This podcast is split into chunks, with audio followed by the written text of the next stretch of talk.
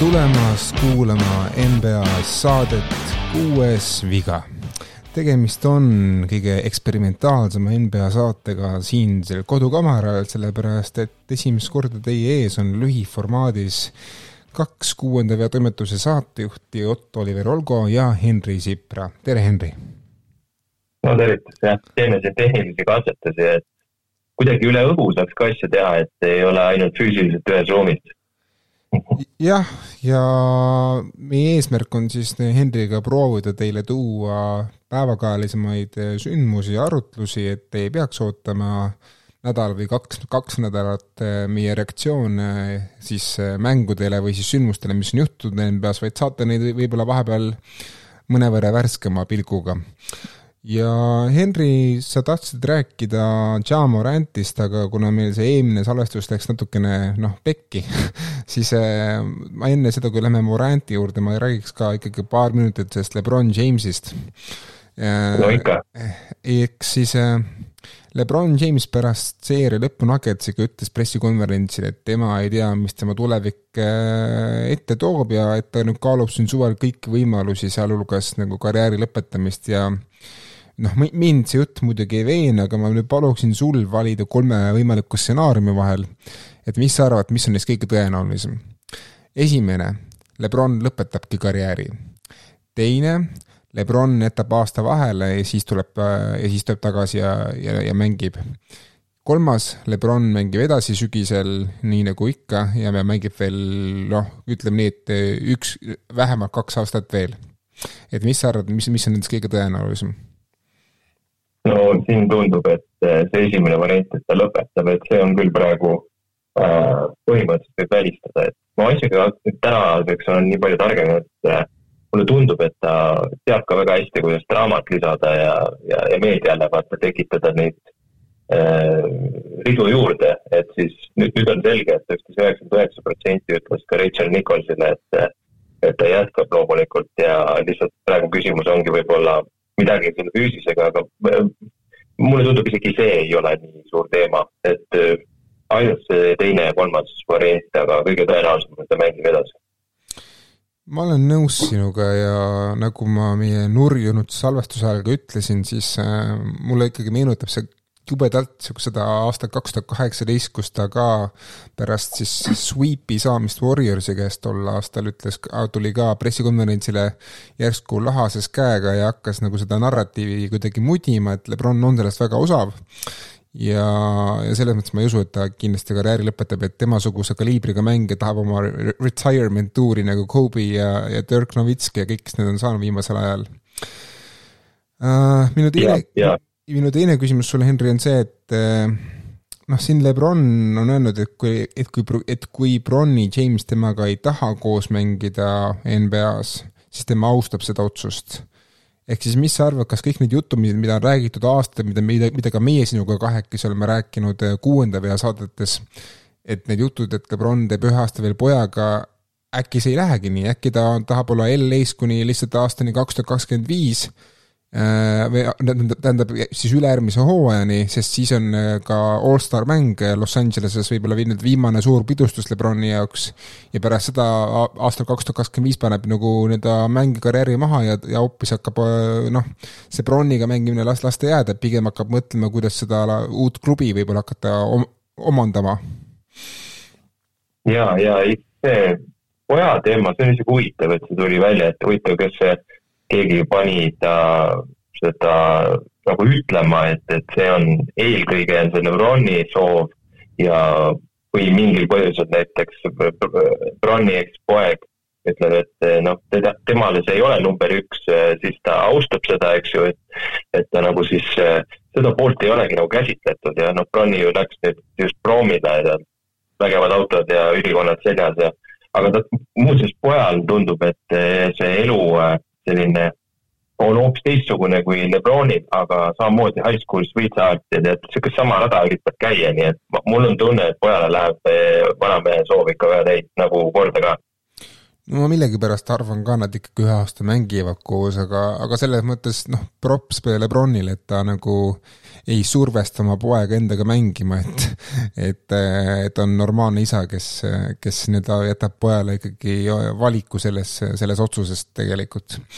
ja muideks, kes ei tea, siis tegelikult, tegelikult on see Lebroni teine poeg, Bryce, väidetavalt isegi palju, palju lootustandvam tüüp kui vanim poeg Bronni, aga sellega on see jama, et Bronnil, Bronnit huvitab rohkem korvpall, aga Bryce on parem, parem atleet, nii et klassik, klassikaline poegade teema.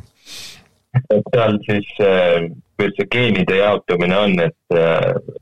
Lebroni puhul need kõik geenid tulid ühe inimese sisse, aga, aga need geenid temast edasi läksid äh, jaotatud kujul natukene. no sama asi oli ka Michael Jordaniga, kelle poeg üritas ka NBA-sse saada ja noh, täitsa nagu jõudis ülikooli kossu täitsa kenasti välja, aga seal ta jäi ikkagi pidama ja, ja ei tulnud temast lõpuks midagi um,. aga lähme siit teemast edasi praegu siis uh, Ja Moranti teema peale ja miks me siis räägime Ja Morantist jälle,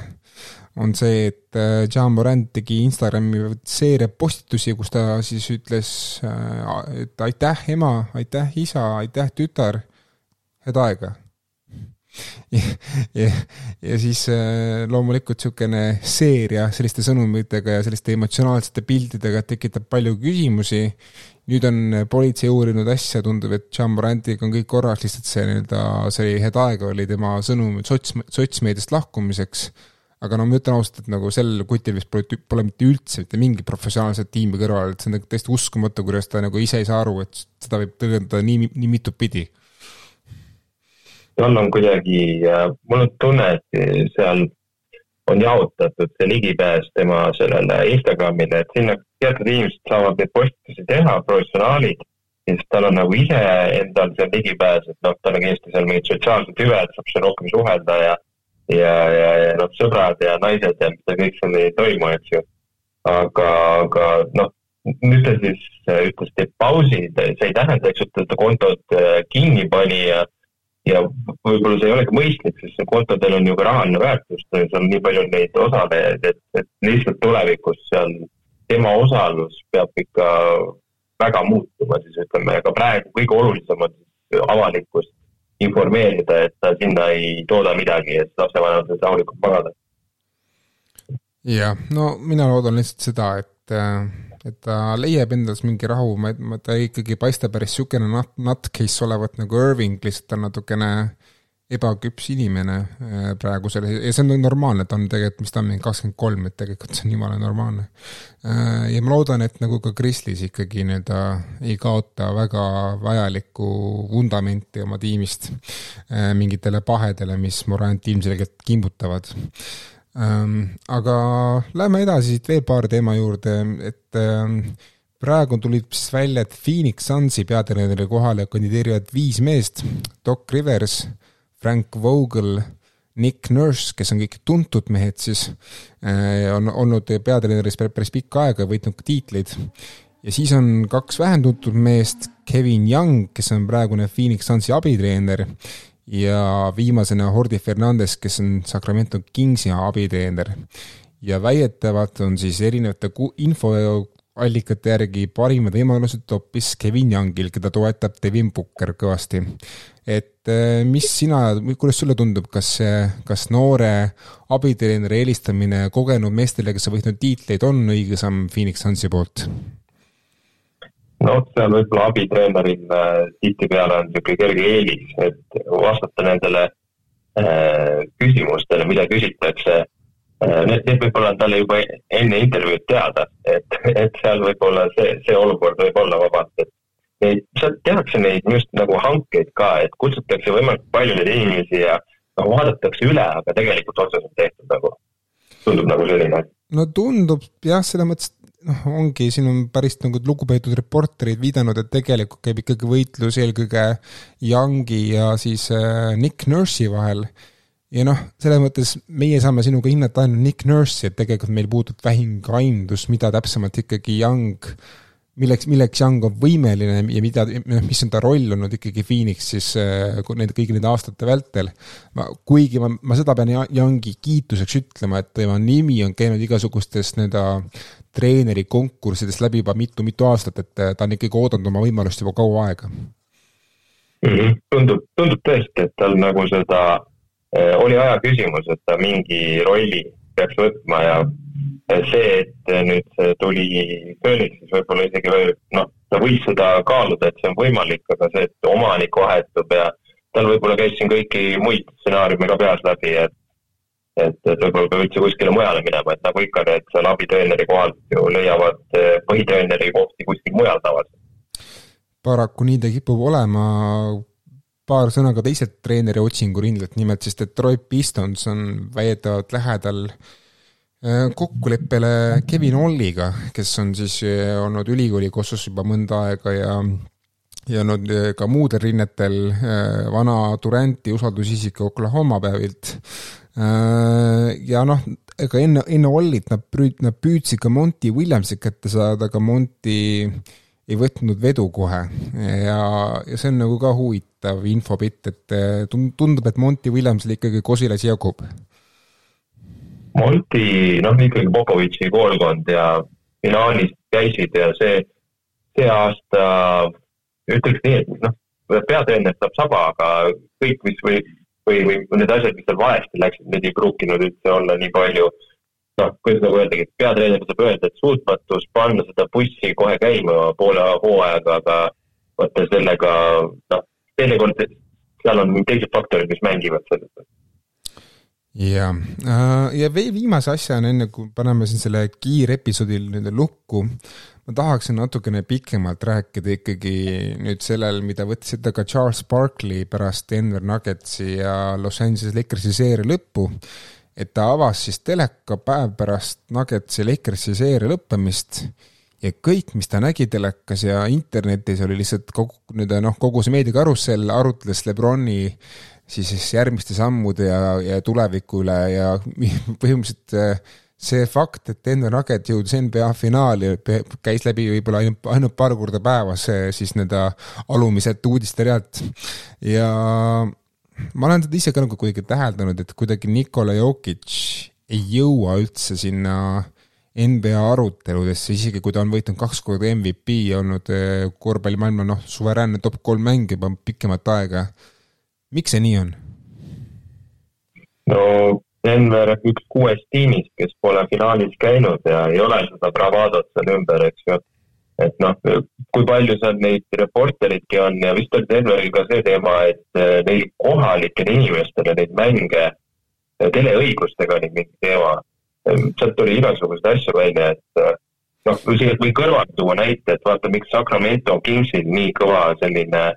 Äh, see kõik, see light ja beam ja asi läks käima, et nad on ainukene meeskond selles väikses linnas, noh, Sacramento Eesti mõistes suur, aga USA mõistes väike. et, äh, et nii-öelda see parti, partipass sinu ümber läheks käima, siis äh, mulle tundub, et Denveris on see kuidagi niisugusem rahulikum no Denveris on, on selles mõttes kaks väga kõva klubi veel linnas, sellepärast ongi neil väga raske, et äh, Denver Broncos on üks noh, nüüd NFL-i tiitli võitnud väga võimekas tiim on, on, on mõnda aega ja NFL on USA-s teatavasti kuningas. Ja teine võima-, teine tiim, kes on võitnud tiitlid olnud nagu väga noh, üsnagi ikooniline frantsiis jäähokis on Colorado Avalanche. Et äh, ja sellepärast ongi Nuggetsil kohati raske, kuigi noh, võiks ju arvata, et viimased, viimased noh, no ütleksin neli-viis aastat, kui ikkagi Jokic on tõusnud NBA absoluutse eliidi sekka, võiks tähendada, või võiks ju tegelikult täheldada seda, et Nuggets muutub populaarsemaks, aga ma arvan ka, et see on see kohalike telemängu, teleõiguste teema, mis on natuke pärssinud seda arengut ja kas sulle ei tundu, et Jokic on natukene nagu, natuke, natuke nagu Tim Duncan oma profiili poolest, isikuomaduste poolest, mitte niivõrd mängustiil, noh mängustiil on väga-väga erinev, aga just see, kuidas ta kuidagi suhtub korvpalli ja, ja kõike ümbritsevasse? Jah, et tal on see raskesti avanev sümpaatia võib-olla ameeriklase jaoks, et ta ei ole niisugune hüpleja, et, et sa pead nagu teda jälgima, et sa lõpuks hakkad aru saama tema nendest sarkastilistest äh, naljadest ja vaata see iroonia, et kuidas ta sinna sisse paneb alati et alles nüüd mulle tundunud, et on saadud, noh, MVP-sid on ju kaks tükki tal juba olemas ja kolmas oli ka siin õhus. teatud põhjustel seda ei antud, eks ju. aga et selline, noh, ta ongi nagu salapärane, ikka paratamatult nagu salapärane. Tim Duncaniga, noh, samamoodi, eks ju. et pigem see ühtepidi nagu pärsitud, aga teistpidi see on ka tema võlu, et ta ongi tegelikult sihuke sümpaatne mees, alati riietub hästi ja ta ütles, et kui ta on, ta on professionaal, ta käib ülikonnaga sellepärast, et ta on professionaal nojah, samas nagu noh, need, kes ma ei tea, ütlevad USA-s, et Jokic on igav, no kuidas ma nagu sellest või kuidagi, et Jokic mõjub igavalt nagu ja ta ei vää-, sellepärast noh, et Lebron on ikkagi Lebron ja ja te-, ja noh, Lebroni juba mütoloogia nõuab seda kõike tele-eetrit, aga kurat, te vaatate Jokic'i mängimas, et tüüp mängib nagu kossu jumal, selles mõttes, et ta näeb kõiki nurki, ta, ta näeb päriselt vastase käik, käike vähemalt ründe poolel kaks sammu ette ja ta leiab ülesse, tal on silmad kuklas päriselt nagu selles mõttes, et ta näeb asju, mida teised lihtsalt ei näe, isegi Lebron ise nagu ütles, et nagu, et et iga kord, kui mulle tundus, et midagi hakkab tulema, siis Jokicil on alati vastus olemas ja, ja, ja ta tõsiselt nagu tajub, et Jokic näeb nagu mängu nagu male ja suurmeistri kombel, nii, nii, nii nagu Lebrongi, et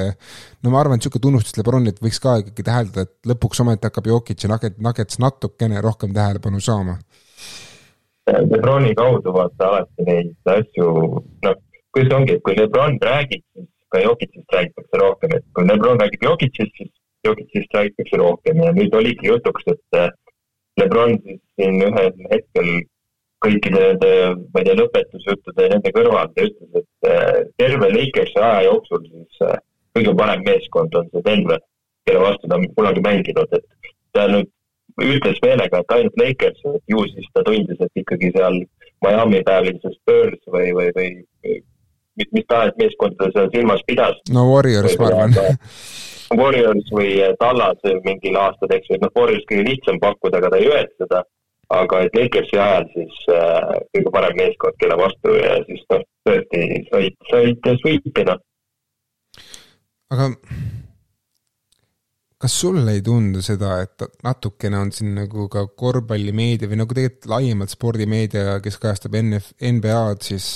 teatud tüüpi nagu kriisis, et nad, nad on nagu niivõrd nagu imenud ennast Lebroni, Curry ja Duranti külge ja nüüd nad ei suuda nagu leida mingisugust äh, mingisugust uut võtit, mis muugiks lahti vaatajate huvi siis teiste väiksemate tiimide ja väik-, nii-öelda mitte nii tuntud, mitte nii, nii tuntud staaride osas? no mõneti natukene võib-olla kurb oli see, et noh, nad ainult selles võtmes kurb olid, Wembanyama kuhugi pisikasse klubisse ei sattunud, no ma toon kõige jaburama ja mõnes mõttes ka niisuguse tüütuma näite, et oleks Charlotte'i läinud näiteks või midagi sellist, et eh, siis oleks näinud ära vaata, et kui, mis jõudu on vaja vaata, et nendes väikestes kohtades, et et noh, tegelikult Lebroni näitel on ju olemas, et Lebron tõmbas selle Clevelandi ju käima. ja siit ka väike shout-out, eks ju, Jim Brownile, kes lahkus ka see nädal, et see oli siis sellest kuulsast mustvalgest fotost, kus oli Muhamed Ali, eh, Bill Russell, Äh, Karim Abdul-Jabbar ja Jim Brown, eks ju, et ainult äh, siis äh, Jabbar on veel elus või vana välkindar, eks ju, tol ajal. et, et, et lihtsalt on vaja niisugust metsikut jõudu, et kuskile linna see jõud tekitada, noh aga ma ei ole nõus, sellepärast et nagu kui ma vaatan NFL-i kajastust ja vaatan NHL-i kajastust ka näiteks,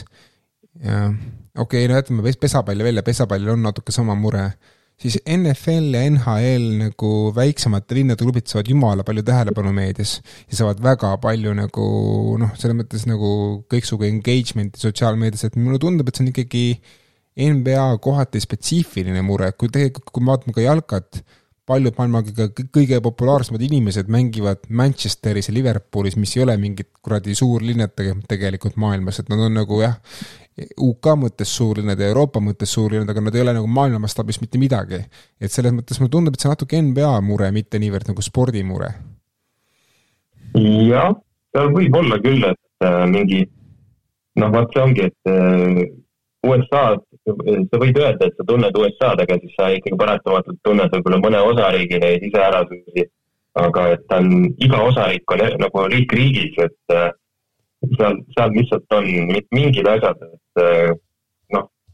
ma, ei tea, ma toon Oklahoma City isegi näiteks, eks ju, et ka ju pisike linn, mitte, mitte, mitte kusagil, noh, sa oskad ju hästi öelda, milline linn on Oklahoma City, eks ju. ei ole üldse siit linn, ta on, ta on, ta on, ta on jumala võrreld, ta on, ta on palju suurem Tallinnast jah, no seda kindlasti. aga kas ta, kuidas see ongi, et noh, näiteks me just hiljuti rääkisime, et mis linn on San Antonio. Et äh, siin Eesti mehed, kes on San Antonios käinud, seal see Alamo on äh, suht pommiauk olema see linn nagu et kui sa Texases käid ringis, siis võib-olla mingi Austin on tore, eks ju, ja noh, niisugune tõusev linn, eks ju, ja siis võib-olla no. vaatad sinna Tallat või Houston, vaatad enne. jah, jah, no ma ei tea, mulle kohati tundub, et tõesti NBA ja NBA-ga seonduv meedia, meedia teeb vist väga kehva tööd nagu nii-öelda kuidas öelda siis, mitmekesiselt kajastamisel teeb kehva tööd, et nagu nad oskavad hästi reklaamida ja push ida, aga nad ei oska, nad, nad, nad ei ole tabanud ära selle NFL-i nagu kuidagi kopeerimise või jäljendamise, mis, mis, mis minu arust on nagu tehtav nagu väiksemal skaalal. et, et nagu anda seda tähelepanu ikkagi võrdsemalt eh, tiimidele, mitte niivõrd siduda, siduda seda klik, klikisõda kolme või kahe superstaari ümber noh, üks, üks mõte veel tuli siia, et äh, kohaliku mingisuguse valitsemise tasandil, et näiteks Utah ja Salt Lake City, eks ju, päris hästi teinud nüüd viimased kümme aastat nagu tõusu, et nüüd oli allstar seal ja niisugused asjad, et et noh, natukene võib-olla seda allstari mõnikord kasutavad, et seda rõhku juurde tekitada, aga allstari sa ei saa, kui sul ei ole neid hotelle, sul ei ole neid lennujaamasid, eks ju. see on siis nagu üritusturunduse pool, kuidas seda tähelepanu, et tood inimesed sinna ja tekib huvi aga kuidas neid kohalikke inimesi, noh, siis võib-olla jõuamegi sinna Denveri juurde tagasi, et teleõigused ja kuidas need mängude ligipääs on ja kõik sinna juurde. et ju siis seal mingi sünergia peab olema ja teatud olukordades NBA käed jäävad õiglaseks. nii ta paraku kipub olema. Äh, siis viimane asi, äh, no ma lihtsalt tahaksin sellega ka meie kuulajatele ette tuua, kes meie andunud kuulajad, küllap mäletavad, et niisugune paar aastat tagasi me tegime niisuguse maailma mängijate edetabeli, kus Henry pani Luke Longli esikümnesse ja jättis Luka Dontšitši üldse välja ja seal oli noh, Henry ma lihtsalt panen selle puid alla, ära pahanda. ja ja noh, selles mõttes eks seal oli, eks seal oli üldse väga kirju tabel, tabel tuli lõpus kokku ma vaatasin, et minul ja Hardol oli Jokic juba siis esikolmes, mis, kas sul nüüd, nüüd oleks selle viimase play-off run'i taustal ka Jokic seal esikolmes, et mäletan, et kui sa tegid seda tabelit, siis ta jäi sul sinna esi, esikümne vist lõpupoole või esikol-, või kui noh, ta oli sul sees, aga ta oli sul pigem tagapool. See, selles osas ma jään, nagu me omavahel juba rääkisime, ma jään natuke selles osas enda juurde, et mina võib-olla olin niisugune kriitilisem, kui oleks pidanud ja teie olite võib-olla eh, juba valmis mehe küünele tõstma selle potentsiaali pealt, mis nüüd on täitunud täielikult, eks ju. et äh, ma ütleks, et tagantjärgi ma tõstaks ka Jokitsi ettepoole äh,, võib-olla seda Dontšit ka nügiks, eks ju. et äh, aga noh, näiteks nüüd on ju vaata Sabonis tulnud üldse väga jõudsalt esile, et Sabonis, siis kui me seda tegime, seda tabelit ei olnud kuskil, et et praegu nüüd Jokitsi aktsiad on kindlasti tõusnud ja pigem võib-olla natuke kukkunud jah, no ma siin isegi noh, ma praegu veel Tiitist hakka unistama, küllap Miami Heat või noh, imekombel Boston veel, veel nagu, veel nagu kiusab seda Denverit omajagu ja võib-olla isegi võtab neid tiitli ära. Äh, aga selles mõttes noh, loomulikult see ikkagi langeb natukene juba mõttemängudesse, kui Jokic peaks võtma tiitleid, kas see on siis tegelikult võrreldav näiteks Novitski ja Janise saavutustega ja kas ta nagu läheb meist ette või mitte, aga ma arvan, et see on niisugune ennatlik juba mõttemängude tegemine. no paratamatult, ega kui tal on kaks MVP-d ja tiitel ja võib-olla võtab selle EFF, Final Finals MVP ka, siis on hoopis teine jutt juba, et siis ta on ju noh, puhtalt juba raudvara pealt on ju Novitskist möödas ja, ja muidugi Jokic'i kõrval teeb, tegi suure väga,, väga-väga suure lääne finaalseeriaga Jamal Murray, kes on pärit Kanadast ja mina mõtlen küll, et pagan võtaks, no me oleme seda Kanada kossukoondist ootanud juba sada aastat, aga nüüd on Murray ja Shea Gilgas Alexander andnud nagu commitment'i Kanada koondisele päris mit-, päris, päris mitmeks aastaks. Ja kui need mõlemad poisid tulevad ikkagi MM-ile nüüd sel aastal, selle aasta vist oli august või september oli MM, ja olümpiale nüüd siis järgmisel aastal Pariisis siis no ma tahaks uskuda, et lõpuks see Kanada metsik potentsiaal hakkab vallanduma ka, sest Murry on ikkagi selle play-off'i üks komeete. ja ei nüüd, nüüd äh, ma ütleks küll, et Kanada kõik alla medali on nagu fail, et et Austraalia tuli juba tugevalt ja Austraalia, me vaatasime, neil on jätkuvalt ka läheb järjest tugevamaks see tiim, nüüd Kidid ja Möllud seal kõik olemas. Ben Simmonsist, Ben Simmonsist pole vajagi. seal on nii palju nimesid. seal on äh, väga vägev äh, see World Cup tuleb. no äkki anname siis paar minutit ka meie sõpradele, kes vaatavad lisaks NBA-le ka Euroliiga, kas sina vaatasid Euroliiga finaali? ja ikka jälgisin, et sihuke mõnus sihuke punkt punktis mängija, noh, see on muidugi ajuvaba, kuidas üks vend lihtsalt ootab pingil ja ta sisuliselt külma alt tuleb ja viskab selle võiduviska, no see on, see on müstika. seal Mike James vist ka hoidis sõprade kinni ja ütles, et see on nii, nii müstiline, kuidas vennad tulevad no see on lihtsalt äh, kogemus ja, ja niisugune teatud championship pedigree, mis Sergei Lullil on, aga mulle meeldis see, et väga, üsnagi palju oli ikkagi ka Euroopa NBA mängumehi platsi kõrval, et ma nägin seal, oli vist Valanciunes, oli Borsingis ja veetavalt oli kuskil ka Dontšits, aga teda telepildis ei, ei näidatud. aga no ma küsiks sult ühe mehe kohta, kes seal tegi suuri tegusid, aga, aga napilt jäi ikkagi sellest tiitlist ilma ja muidu oleks vist saanud äh, ka selle nii-öelda noh, finals MVP kätte Šaša Vesenko, kes viskas olümpiaakusest peaaegu poole punkti, mulle tundus. et äh, kas sulle nüüd jäi, jäi mulje, et, et see mees ikkagi jääb Euroliigasse pärast seda aastat või on see nüüd, nüüdseks juba vältimatu, et ta tuuakse NBA-sse üle? no Kingsil, e, e, tema oskusi on täpselt ju vaja ja, ja neil seal on odavalt, e, suhteliselt odavalt, noh, mitte meest nagu rahaliselt maha teha, aga lihtsalt neil Euroliiga meest tuua, see on nagu niisugune rahakoti mõistes ja sellise hea hea, hea nagu lüke, mida proovida vaata. Ja siis, siis võiks nagu Zelenkovi aeg olla küll ja tulla ja tal on nagu, rada on ju terve aasta sisse nagu tallatud ja, ja see Mike Brown käis ju kohal ka, nii et ja, ja muuseas Werter ju käis selle JJ Rediku podcast'is hiljuti, et seal ta siis räägib ka lahti seda, kuidas noh, Mike Brown ikkagi väga kogenud treener ja ta on ju Kobe'it, Lebroni ja, ja seal veel neid kõikide nimedega on koostööd teinud, et tal on seda äh, pedigreed on ikka kõvasti, noh. et või seda nii-öelda autoriteeti. et ma arvan, et Vesenkovil võiks see võimalus tekkida. no ma loodan, et tal see tekib ja ma loodan ka seda, et äh, tegelikult on Harrison Barnes sellel suvel vaba agent, et äh, kui Barnesi pea läheb hammas natuke õhukeseks ja keegi pakub talle päris nagu lepingut, mida võib-olla Kings ei taha match ida, sest neil on vaja varsti anda väga hull leping Domantas Sabonisele,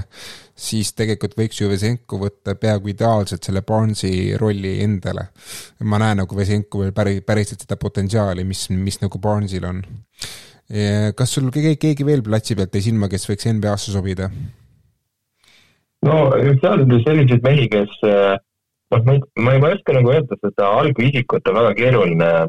praegu, kui ma Miami's olen, Miami's oleks sealt võt, võinud võtta päris mitu meest, et see, küll see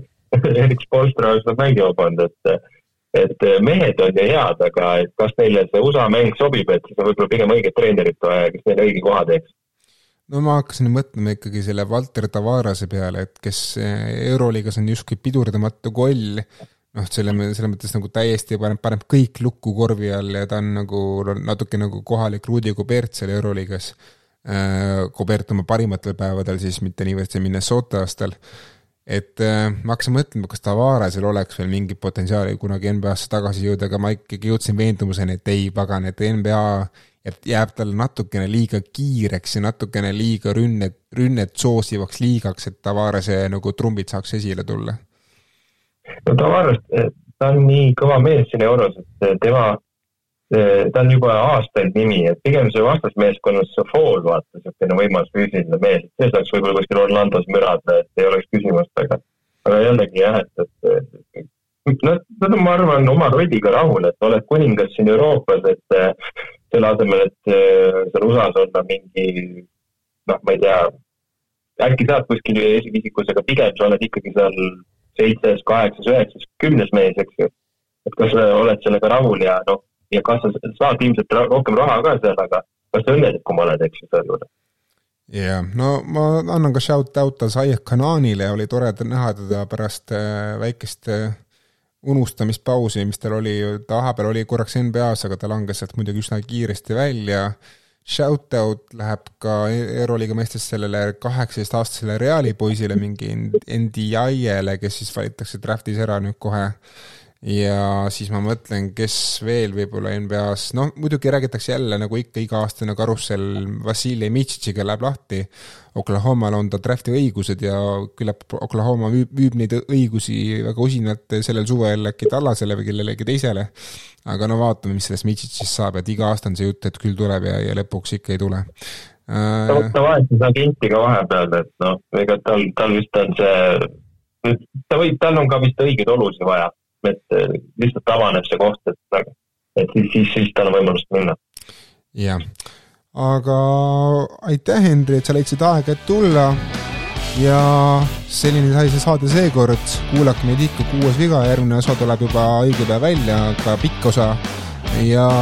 te kuulate meid täistoimetuses siis juba järgmisel nädalal. Ja tšau